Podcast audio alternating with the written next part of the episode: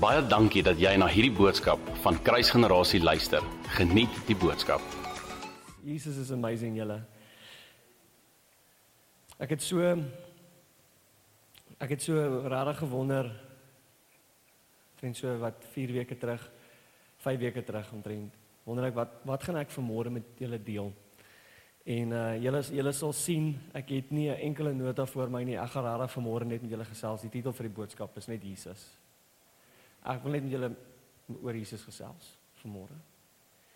En ek dink as 'n as 'n pastoor, ten minste moet ek sê dis onderstel om so te wees dat as 'n pastoor oor Jesus praat, dink ek of as 'n gelowige oor Jesus praat, dink ek nie ons het eintlik notas nodig nie. En so ons gaan dalk op plekke gaan waar ek dalk nie gedink het ons gaan gaan vanmôre nie. Maar ek dink as 'n basis, kom ons gaan na Johannes hoofstuk 1 toe. Asseblief vat jou Bybel, maak op jou Bible app. Kom ons gaan gou saam Johannes hoofstuk 1 toe. Johannes hoofstuk 1.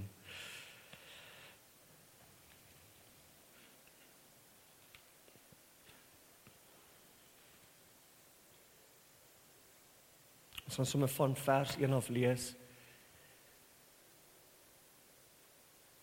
En dan gaan ons weer vers 14 lees. Ons gaan ophou hier by vers 5 en dan van vers 14 ook net so 'n stukkie lees. Says so in the beginning was the word and the word was with God and the word was God. Onthou let mooi op hoe verwys Johannes na Jesus. Hy noem hom die woord. Reg? Jesus is die woord. Dit sê He was in the beginning with God. All things were made through him, and without him, nothing was made that was made. Met ander woorde, daar's nie 'n enkele ding wat bestaan wat nie tot stand gekom het af onafhanklik van Jesus nie. Alles het deur Jesus Christus tot stand gekom. Alles wat bestaan, die son, die maan, die sterre, elke liewe ding waarvan jy lees in Genesis 1, het tot stand gekom deur Jesus. Die Vader sê dit. Hoor hoor hoor mooi. Dis dis dis asof ons moet verstaan hierso ja dat Vader, Seun, Heilige Gees is almal betrokke geweest, maar asof die klem hier gesit word die feit dat al hierdie dinge het deur Jesus tot stand gekom. Hoe belangrik is Jesus dan? Dis 'n retoriese vraag. So moenie voel jy het beantwoord, maar hoe belangrik is Jesus dan? Hoor hoor die klem wat daar geplaas word op hierdie een. Dit sê in vers 4 in him was life and the life was the light of men, and the light shines in the darkness, and the darkness did not comprehend it. Verse 14, and the word became flesh.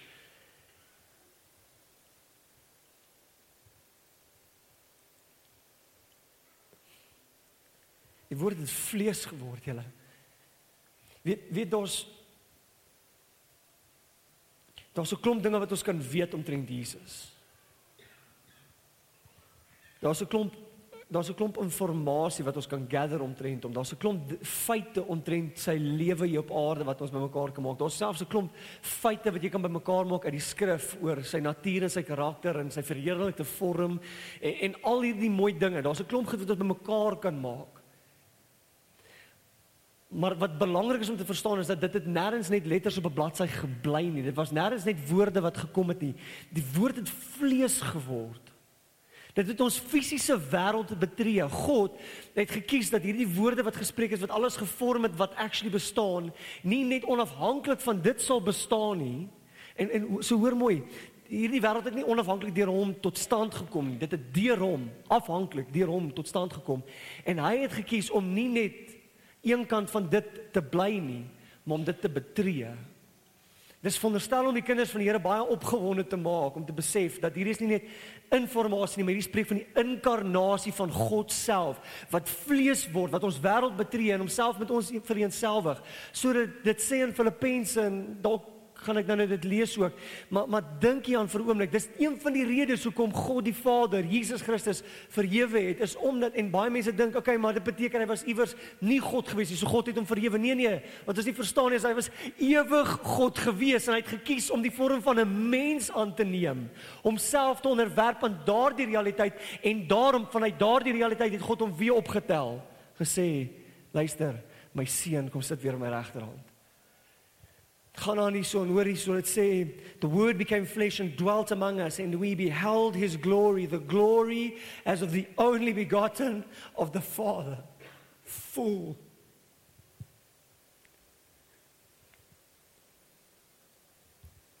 full of grace and truth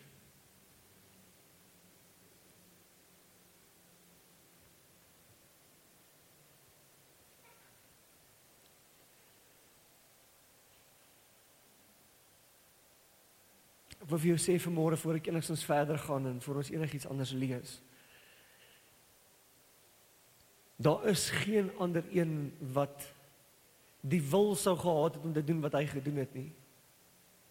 En daar's geen ander een wat die vermoë sou gehad het om te doen wat hy gedoen het nie.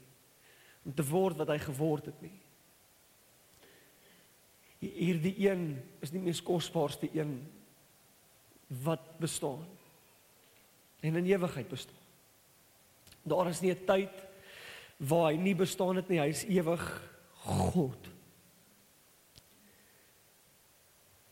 En sy begeerte vir ons is so groot dat hy ons tydelike tipe leefstyl betree het en soos ons geword het, gelykvormig geword het aan die mens. sodat ons die ewige God kan ken. Blaai vir my gou-gou Filippense toe.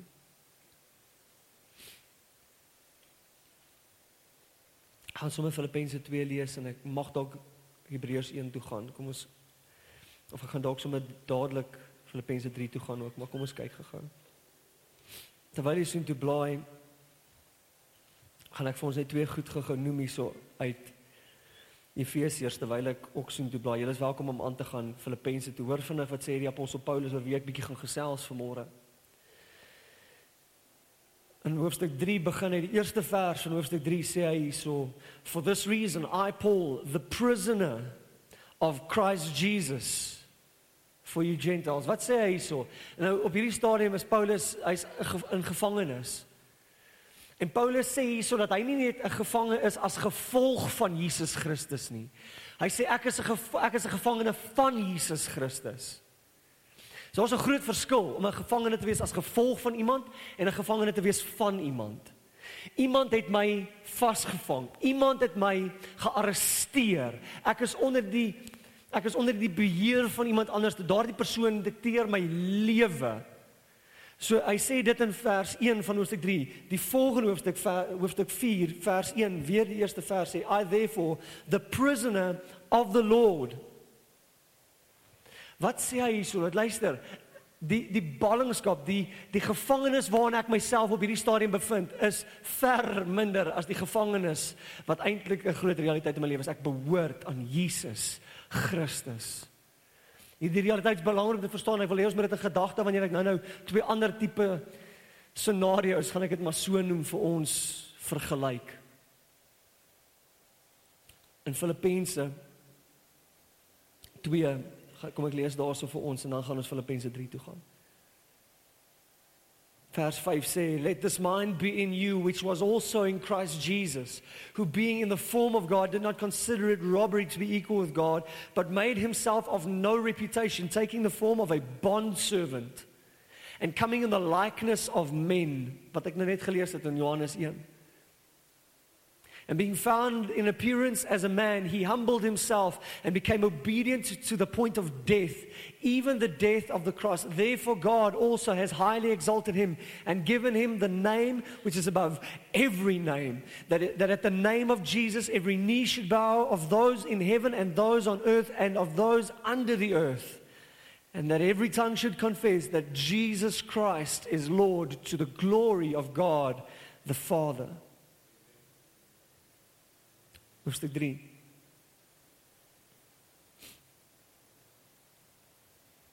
Bietjie konteks net vinnig hier. Terwyl ons hierdie gaan lees,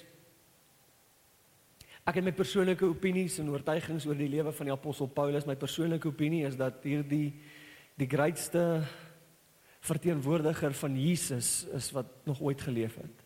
My persoonlike opinie. Ek kyk na hierdie man en ek kyk na sy lewe en ek kyk na hoe hy Ek ek lees sy briewe. Hy, hy, hy skryf so tussen 2/3, 3 kwart afhangende van jy daarna daarna wil kyk, skryf hy van die Nuwe Testament. En hy maak op 'n stadium maak hy 'n uitspraak. Hy sê vir sy hy sê vir die mense vir wie hy skryf verstaan, hy sê vir hulle follow me as I follow Christ. Wat 'n belaglike stelling is. Ek meen net jy die vrymoedigheid om vanmôre te sê volg my, imitate me. Naap my, naboots my soos wat ek Christus naboots. Het enige van ons vanmôre die vrymoedigheid om dit vir enigiemand te sê? Ek meen ek het nie daai vrymoedigheid vanmôre om vir julle te sê naap my, naboots my soos wat ek Christus naboots nie.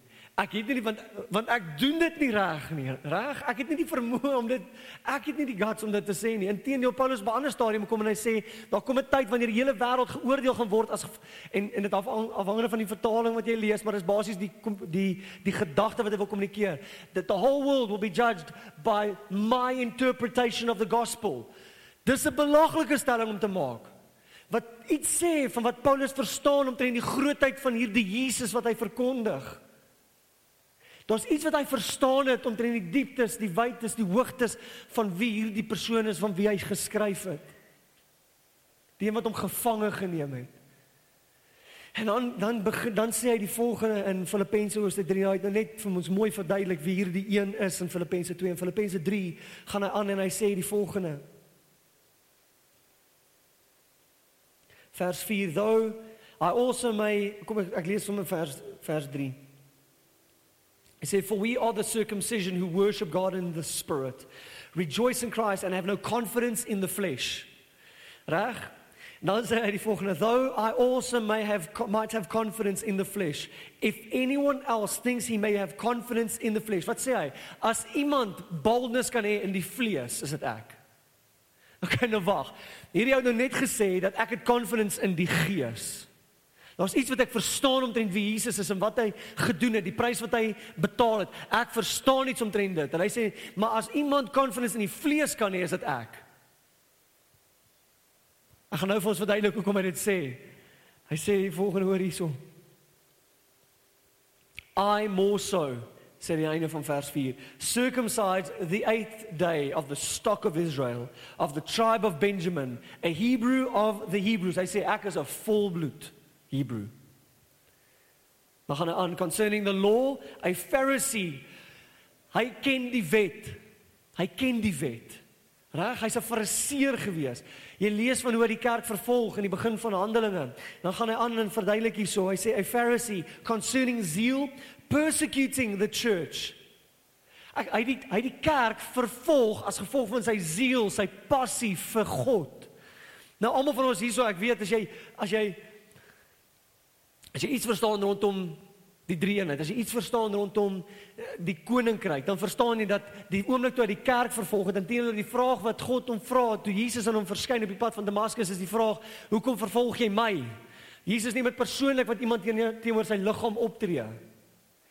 En so, hy dink hy doen God 'n guns, maar as omdat hy die passie het van en hy het hierdie passie, joh, ek gaan dit dalk hoe sê ek dit mooi? Hy het hierdie hy het hierdie passie vir sy idee van wie God is. Hy het 'n passie vir sy opinie van wie God is voordat hy tot bekering kom. Baie van ons het 'n verhouding met ons idee van wie Jesus is. Paulus het 'n verhouding gehad met sy idee van wie God is. En in, in die vervolging van die liggaam openbaar hy dat hy nie 'n klou het wie God is nie in dit wat hy gedink het vir hom getel het. Nou hoor mooi, al die res van hierdie goeders is positiewe mooi dinge. Maar hierdie sê hy, hy sê daar's ziel in hom gewees, persecuting the church concerning the righteousness which is in the law. Nou hy hy's 'n fariseer, hy ken die wet. Hy ken die wet, die volle wet, hy ken dit alles. En hoor wat sê hy, hy weet wat die vereistes is van die wet. En dan sê hy die volgende, hy maak 'n crazy stelling. Hy hou dis asof hy die ou net gehou het van shock factor en net weird goed gesê het sommer net, maar hy het nie gelieg nie. Hy sê the righteousness which is in the law blameless volmaak onder die wet volmaak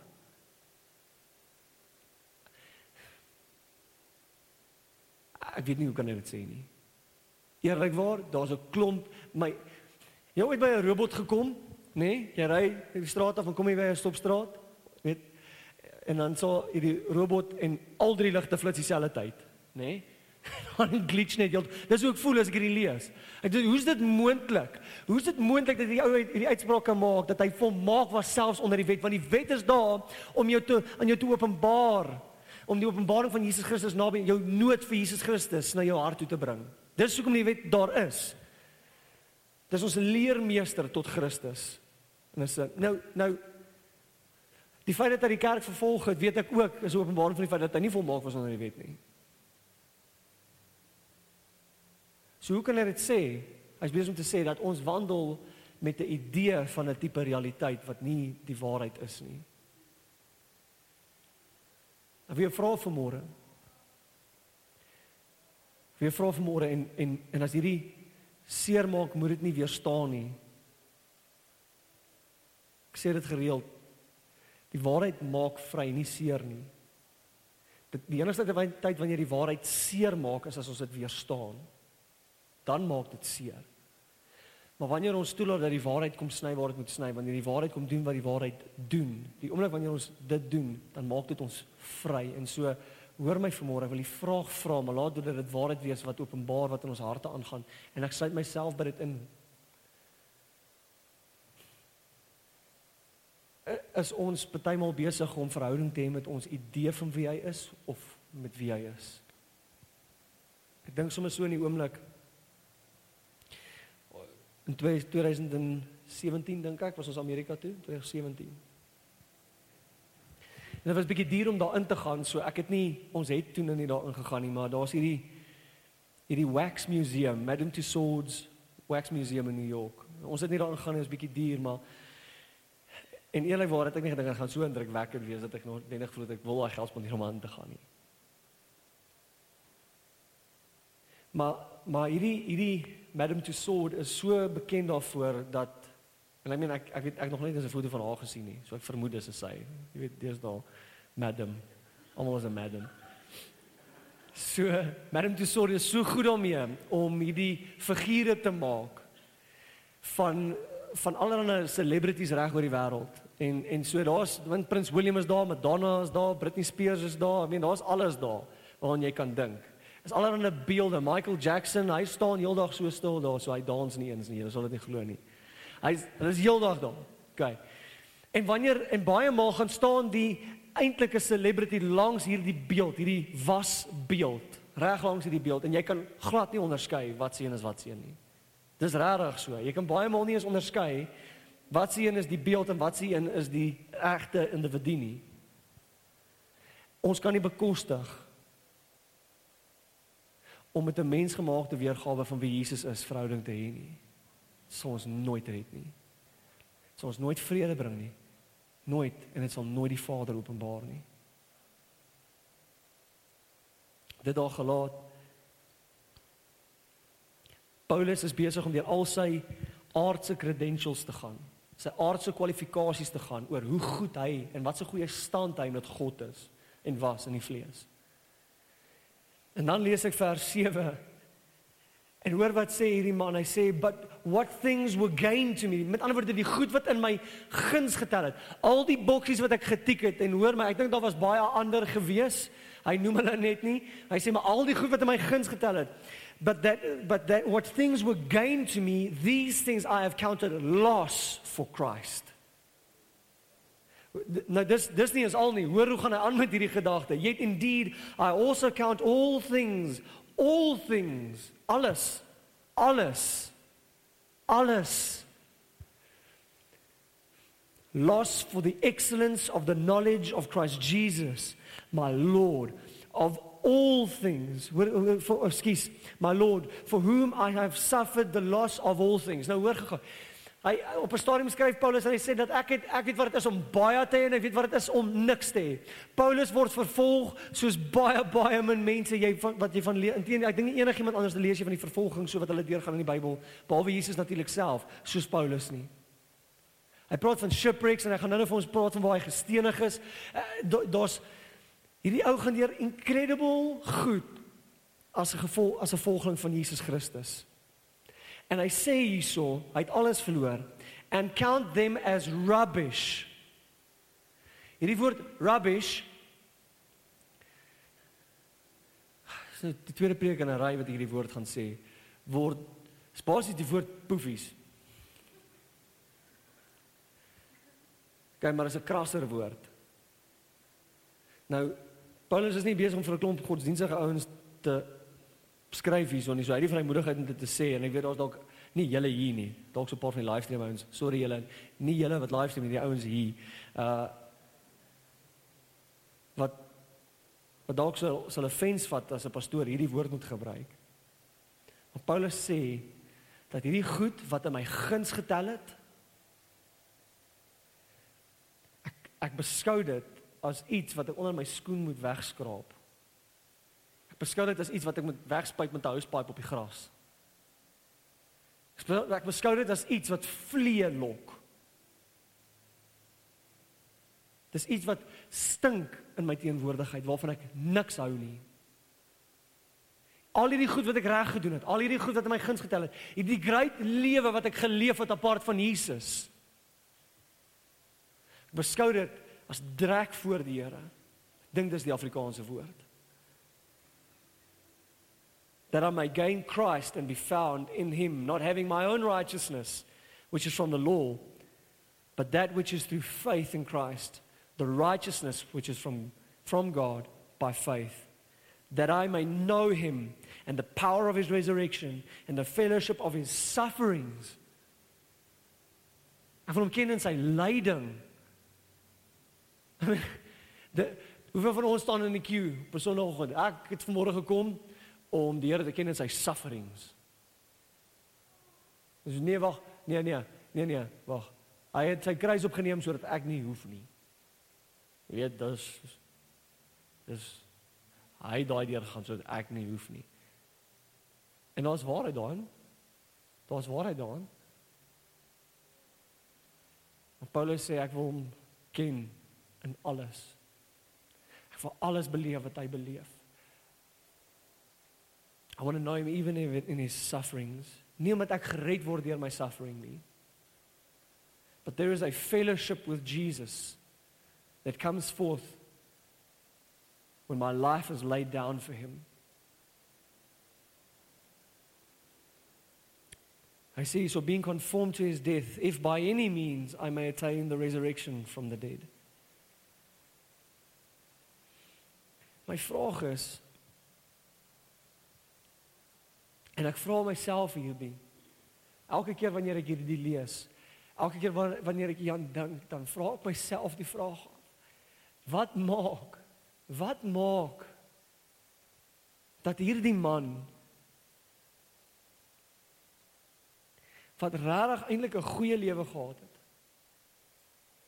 Wat maak dat hierdie man wat al die boksies getik het en vir almal om hom regtig suksesvol gelyk het. Wat maak dat hierdie man sê daai goed haat ek. Ek wil niks met dit te doen hê nie. For the sake of knowing him. Ek doen afstand van al daardie dinge. Wat wat maak dat al die goed wat I mean kom ons wees eerlik net vir 'n oomblik dat as die gemiddelde Christen na sy lewe gekyk het toe, na sy lewe gekyk het. Miskien moet ek dit so sê eerder as die gemiddelde Christen vandag na sy lewe toe sou gekyk het. Sou hulle gesê het, "Jo, dis nie die lewe wat ek wil leef."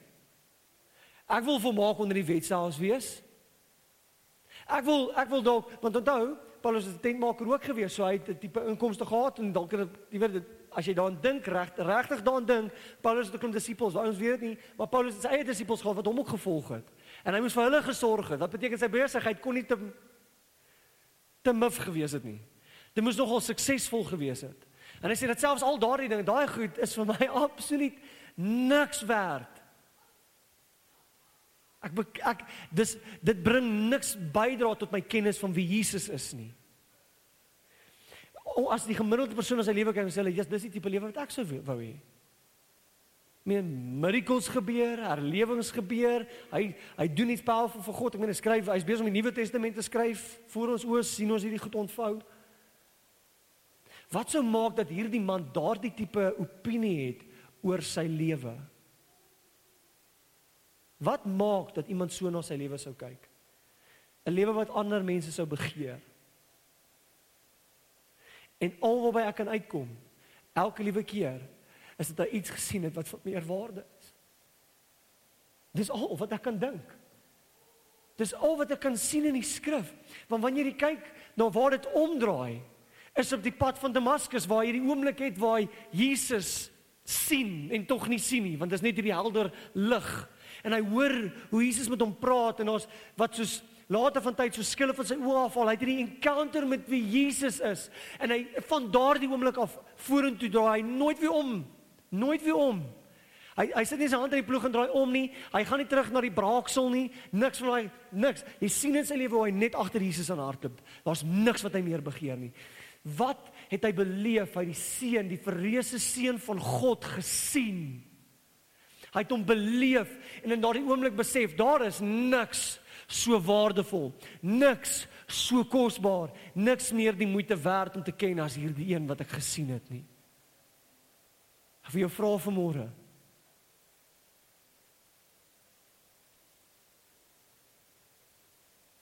Doen ons onsself nie en sy naam nie baie keer onreg wanneer ons dit verminder tot 'n plek waar ek net sê ja, glo my hart.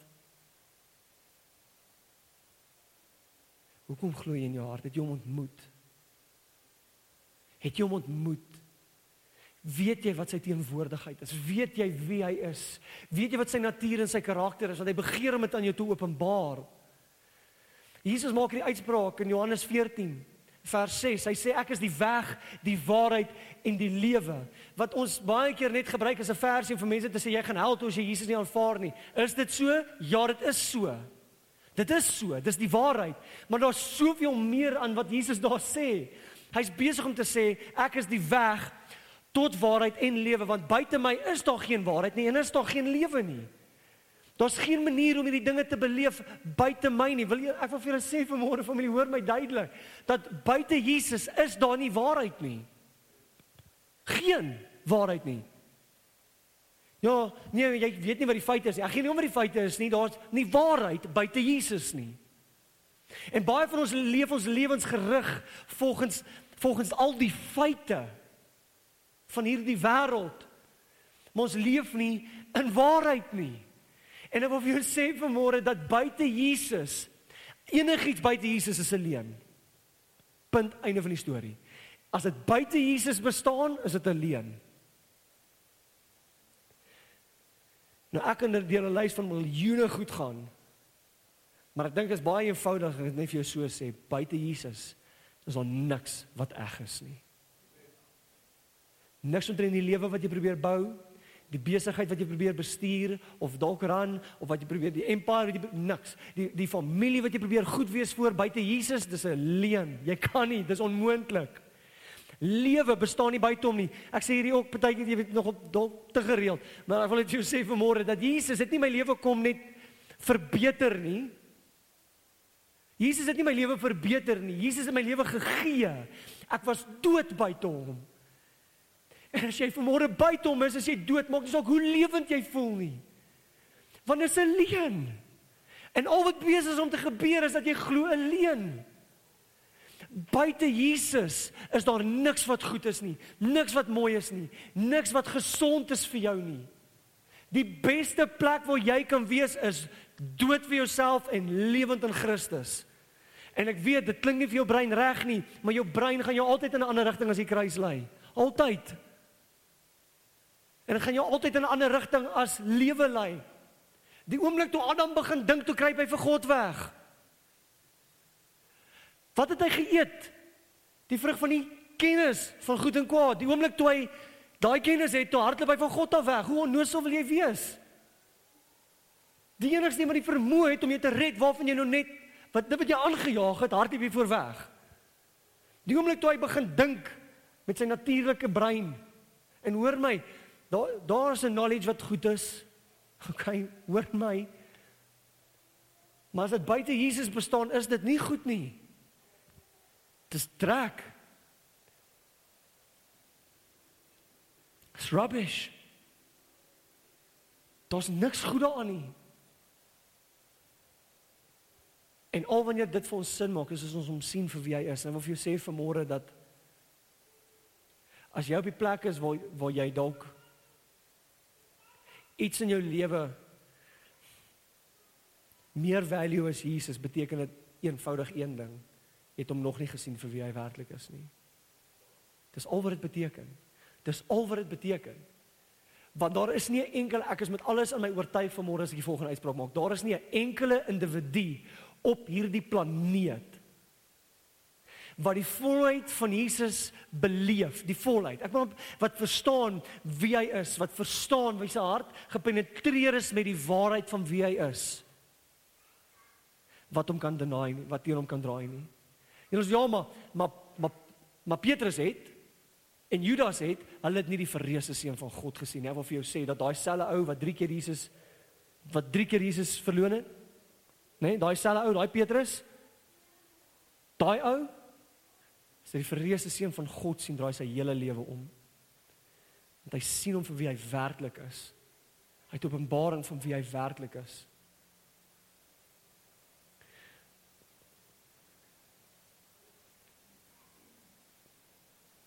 Gaan vir my gou Handelinge 7 toe.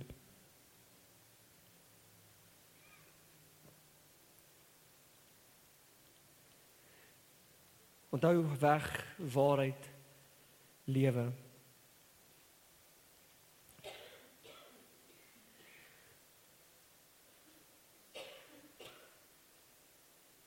Vergewe dat ek ek dink dit is in Afrikaans Stefanus, nee, Steven, Stefanus in Afrikaans, net Hy's besig om te praat oor wie oor wie Jesus is. En dis die oomblik waar die die mense teen hom draai. En dit sê so when they heard these things they were cut to the heart and they gnashed at him with their teeth.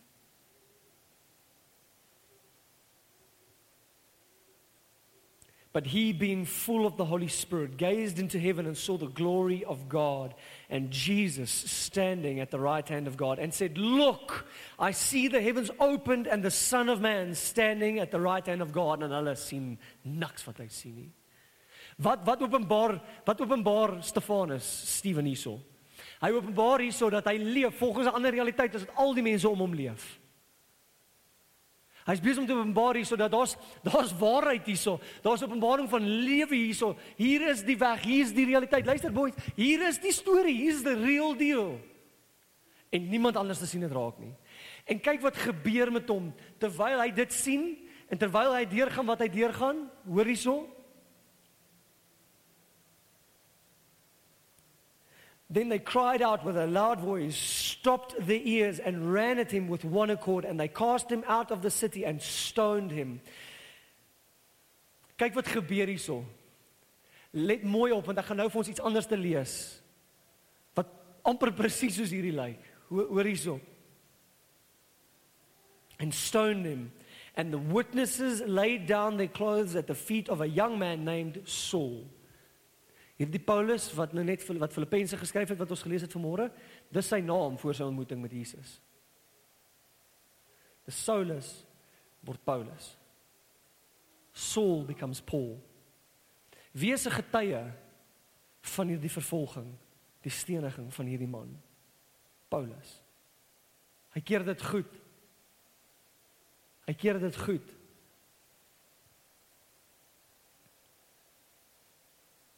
And they stoned Stephen as he was calling on God and saying, Lord Jesus, receive my spirit.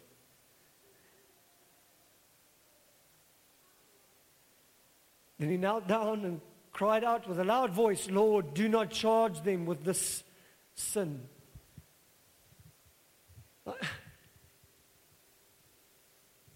Okay, hoor gou-gou hier.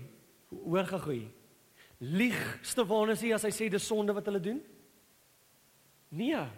Dis sonde. En so ons weet dat die loon vir sonde is die dood. En wat sê hy in hierdie oomblik? Hy funksioneer volgens 'n ander tipe realiteit. Hy sê ek sal nie submit onder die realiteit wat wat hulle my wat hulle na my toe bring nie. Ek gaan kies om 'n ander koninkryk te demonstreer te midde van die feit dat hy doodgemaak word. Hy word gestenig. Hy betaal 'n prys met sy lewe, letterlik met sy lewe. Want hy leef volgens 'n ander realiteit, die seun wat hy gesien het. Hy leef volgens 'n ander standaard. Hy leef volgens daardie standaard as gevolg van die feit dat daardie een so hoog, so mooi, so heilig, so rein, so goed, so God is. En hy sê Kom ek gaan vir ons hoofstuk 14 toe.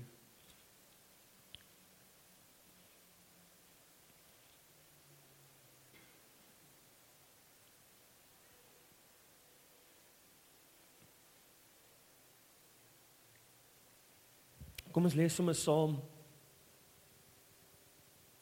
Ek dink kom ons begin by vers 14 sommer. 14 vers 14. Nou interessant, dis hoofstuk 7 vers 14, so dis letterlik net 7 hoofstukke aan. Onthou wie onthou asseblief vir 'n oomblik. Onthou asseblief vir 'n oomblik dat dat die persoon wat gestaan het en almal se kleed ontvang het toe hulle vir Stefanus gestenig het was wie gewees? Was Paulus gewees of Saulus? Nou staan hierdie einste einste man, hierdie selfe man, maar hy's nie meer dieselfde man nie. Hierdie einste man But when the apostles Barnabas and Paul heard this, they tore their clothes and, uh, clothes and ran in among the multitude, crying out and saying, Men, why are you doing these things? We are awesome. Nou hoor gou, hulle is so beïndruk met Paulus hulle dat hulle basically die ouens aanbid. Okay, dis wat gebeur het. Nou is hulle so ontstel oor dit wat na hulle toe kom Dat hulle sê luister ons is net mense with the same nature as you and preach to you that you should turn from these useless things to the living God who made the heaven, the earth, the sea and all things that are in them. I praat van Jesus, Johannes 1. Who in bygone generations allowed all nations to walk in their own ways. Nevertheless, he did not leave himself without witness in that he did good, gave us rain from heaven and fruitful seasons. Dit getuig van Jesus. Die reën wat buite val, Die feit dat luister, ek weet nie van julle nie, maar Middelburg is baie mooier in die somer. Kan ek dit net sê? Dis groen buite. Dis beautiful nou. Like rarig. Dis so mooi. Selfs in myne loop is dis dis eintlik nogal alright nou. Jy weet, dis nogal mooi die. Hy sê dit getuig van Jesus. Dit getuig van hierdie koning. As jy oop om dit te sien of verveel dit jou vanmôre? Dan gaan hy aan en hy sê Give us rain from heaven and fruitful seasons filling our hearts with food and filling filling our hearts with food. En glad, dis luister, daar's dalk 'n natuurlike oes wat kom uit die veld as dit reën, maar daar's 'n oes in my hart. Daar's kos vir my hart. Fill my heart with food and gladness.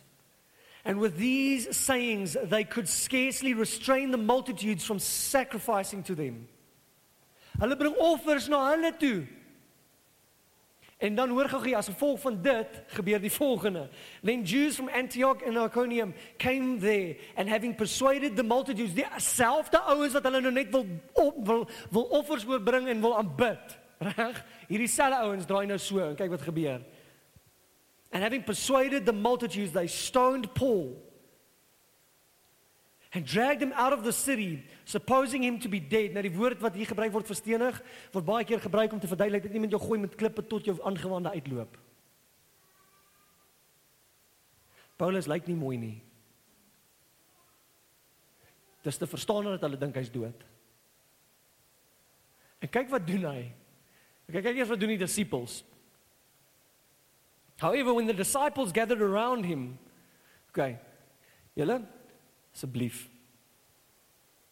As iets met jou boetie of sussie gebeur, soos wat met Paulus hier gebeur, bid ten minste vir hom. Okay, moenie net daar staan soos die res van die disippels hier staan. Hulle is so, oh, dis nou sleg. Okay?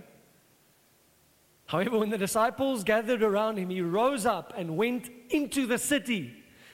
Waar waar was hy gewees? Hy was in die stad besig om die evangelie te verkondig, besig om te doen, net besig om te getuig van hierdie Jesus, reg? En nou word hy gestenig uitgedra uit die stad uit want hulle dink hy's dood. Wat doen hy? Hy staan op en gaan terug in daardie selfde stad in. Waar hulle hom nou net gestenig het. Waar hulle hom nou net wou vermoor. Gaan terug soontoe en verkondig weer die evangelie. Ek wil vir jou sê vanmôre, die enigste manier wat jy dit sal doen is as is die as die realiteit van die koning wat jy wat jy ken groter is as die klippe teen jou skedel. Dis die enigste dis die enigste kans wat jy gaan hê. Ek die enigste kans wat jy gaan hê om te kan aanhou getuig van hierdie koning is as dit wat hy wie hy is 'n groter realiteit is as dit wat jy deurgaan. En die kinders van die Here sê asseblief net want want hoor my familie Jesus Christus is die enigste egte ding wat daar is. Hy is meer eg as jou omstandighede, hy is meer eg as jou uitdagings, hy is meer eg as al jou oorwinnings in hierdie wêreld. Dis hoekom Paulus sê daai goed beteken vir my niks want ek het die, die realiteit van die koning gesien. Daar's my niks so eg soos dit nie. Wat beteken daai goed bestaan nie vir my nie. Dit bring geen value tot my lewe nie. Die enigste manier en wat my interessant is hiervan is dat in Handelinge 7 lees ons hoe Paulus 'n getuie is van wat gebeur met Stefanus wat gestenig word 'n getuig van 'n ander realiteit terwyl hy dit deurgaan. In Handelinge 14 getuig Paulus self van daardie realiteit omdat hy daardie selfde koning ontmoet het. Het jy hom ontmoet? Soos wat hierdie twee mans hom ontmoet het? Ken jy hom? Men ken jy hom? Matteus 7 is my interessant en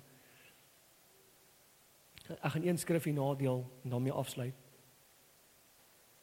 Matteus 7 is my interessant want dit sê daarso dat daar kom 'n oomblik Jesus kom terug. Ek wil vir jou sê vanmôre Jesus kom terug. Hy kom terug. Hy kom terug. En dit en dit praat van hierdie oomblik waar hy terugkom en dat daar gaan seker is voor hom staan en sê dat weet ons het demone uitgedryf en seker gesond gemaak en daai goed is nie sleg nie. Baie mense gebruik hierdie skrifgedeelte om te verduidelik dat dit sleg is. Dit is nie sleg nie.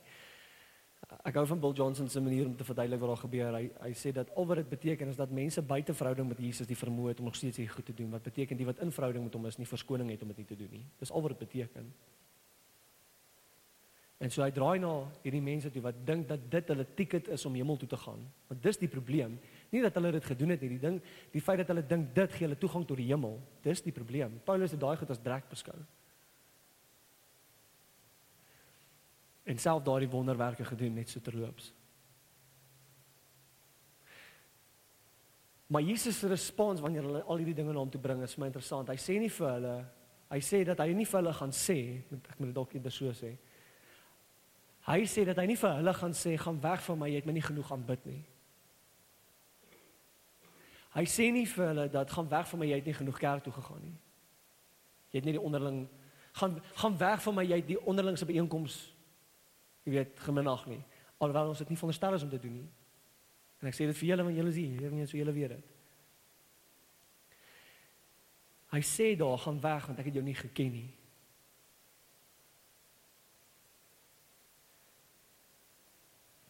Ken jy hom? Ek ken hy jou. Is dit vir jou net 'n klomp inligting wat jy weet omtrent hom? Of is dit inkarnasie, jy het hom gesien, jy weet wie hy is?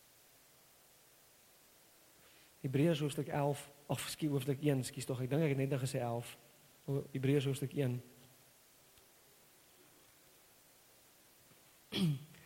Hebreërs is die boek net na Philemon, nee, ek bedoel Philemon sê hierso. God, who at various times and in various ways spoke in time past to the fathers by the prophets, has in these last days spoken to us by his Son. Of jy sê van voor ek voor ek noem wat wat so vir my profound is van hierdie gedeelte, is daar iets anders wat vir my uitstaan. Jy weet, Ons lees hier so van die Vader en die Seun. En God kies om homself te openbaar in verskeie maniere. Hy kies om homself te openbaar as 'n Vader, hy kies om homself te openbaar as as Seun. Kies om homself te openbaar as 'n comforter, die Heilige Gees. Hy kies om homself te jy weet te openbaar as 'n bruidegom. Al hierdie dinge, al hierdie openbarings gaan gepaard met verhouding. Nie een van hierdie bestaan onafhanklik van verhouding nie. Beteken ons is veronderstel om dit te ken, die realiteit wat daar openbaar word omtrent wie hy is, ons is veronderstel om dit te ken en verhouding met dit te wees. Wat my wat my profound is hierso is dat in Hebreërs 1 vers 1 sê dit dat God het op 'n sekere manier gepraat in die verlede. Times past he spoke to us by the prophets. En dan sê dit vers 2 has in these last days spoken to us by his son whom he has appointed heir of all things through whom also he made the worlds Johannes 1 who being the brightness of his glory and the express image of his person, and upholding all things by the word of his power, when he had by himself purged our sins, sat down at the right hand of majesty on high, having become so much better than the angels, as he has by, by inheritance obtained a more excellent name than they. En dan gaan dit aan iets van die engele te sê. Weet jy wat vir my so amazing van dit? Dit sê sodat God kies. God kies om op geen ander manier verder te praat nie. Hy praat deur Jesus. Jesus is the language of God. Jesus is die openbaring van die Vader. Jesus is nie net die middelpunt van die skepping nie, hy's alles en alles. Daar is niks wat vandag kan bestaan sonder sy genade nie. Ek wil vir jou sê van Julle hy is hy is so groot. Hy's so groot, so almagtig, so incredible, nê, nee, hierdie Jesus. Dat as die hele skepping, elke engel, elke demoon, elke mens wat nog ooit geleef het en ooit sal leef, elke dier wat hy gemaak het, elke vicious leeu wat daar in Marloth en in die wildtuin rondloop, elke ding wat leef en ooit geleef het, as die ganse skepping ooit en wat ooit kom in een oomblik teen hom moet draai, staan dit nie meer kans teen hom as wat 'n blaartjie teen jou ruit staan nie. Daar's nie 'n manier wat die hele skepping kan opstaan en rebelleer teen die koning en 'n kans staan om hom te oorwin nie. Hy is so groot. En hy is so amazing. En my vraag is dan net, as jy vanmôre hier sit en jy begeerte het om hom te ken nie, dan is jy dalk net besig om jouself te verlustig en ander goed wat dalk nie eens jy moet werk om jou hart mee vol te maak nie. Simpel verduideliking, maar jy sien nêrens dat 'n leeu petrol drink nie. Dan sê hy leeu try aan net baie nie 'n grap sommer. Hoekom? Hoekom? Want hy weet dit gaan my nie volmaak nie. Dit gaan my nie versadig nie. Waarvoor is 'n leeu se maag gemaak? Vleis soos myne, vleis. Verkieslik braai vleis. En biltong, maar vleis. Hy gaan hom nooit self verlustig. Hy gaan nooit daar langs 'n kar staan in die parking lot met 'n pyp uit en homself verlustig aan die petrol wat daar is nie, maar jy sien ook nooit hoe 'n kar biltong eet om te ry nie. Hoekom? Dis sinneloos. En of jy sê dit is so sinneloos vir jou om afhanklik van enigiets anders te leef as Jesus wat jy's gemaak vir hom jou hele wese is gemaak vir die heerlikheid en teenwoordigheid van die koning en jy kan hom lof en vergeef vir dit want daar's niks anders wat jou sal versadig nie. Why live any other way? Foolish, julle. Kan ek sê dis freaking foolish. Dit maak nie sin nie. Weet julle wat is vir my amazing van hierdie is dat terwyl ons onsself volmaak in klomp ander goeders en ons gemaak is vir hom is die amazingste ding van dit die feit dat hierdie koning wat ek nodig het om te leef hierdie koning wat ek nodig het om te kan voortbestaan hierdie koning vir wie ek gemaak is nê nee, hierdie koning wat ek desperaat nodig het kom nie net na my toe en sê ag okay ek sal myself vir jou gee nie want jy het my nodig nie hierdie koning wat ek nodig het, begeer my. En hy begeer jou. Dis soos dis dis soos Dis soos 'n styk wat sê ek hardloop na die leeu toe want ek weet daai leeu het dit nodig. Ek begeer daai leeu. Dis hoe ons koning is. Hy begeer jou. Hy staan hier aan een kant en sê ja, okay fine, kom nou maar net. En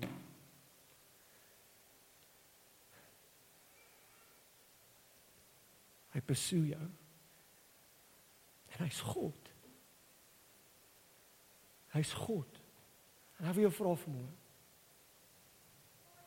Gee jouself hom. Wandel in die openbaring van wie hy is. En as jy as jy sê maar ek weet nie hoe nie. Hou net aan soek na hom. En weier om enigiets anders te eet. Dis al. Dis al. Wil vir jou bid.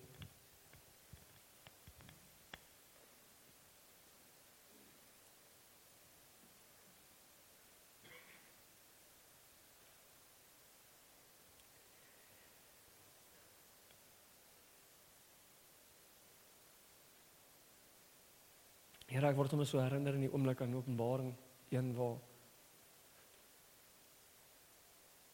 waar Johannes waar Johannes die stem hoor. En dis iemand wat hy ken. Hy verwys na homself as basies die geliefde disipel, die vir wie hy lief was. Hy's lief vir u. Hy ken u. Hy het saam met u gewandel. Hy het u gesien op die berg van verheerliking. Hy het al daai amazing goed beleef. Hy word toegelaat op plekke waar baie van die ander disippels nie toegelaat was nie. Hy sien dinge, hy beleef dinge. En toe hy u stem hoor in Openbaring 1, toe draai hy om om te sien, om die stem te sien wat met hom praat. En dan sien hy u soos wat dit natuurlik aangaan om te verduidelik hoe u lyk in Openbaring 1. En ek besef hier in daai oomblik dat daar is nie 'n oomblik wanneer ek dit in volle gaan verstaan nie.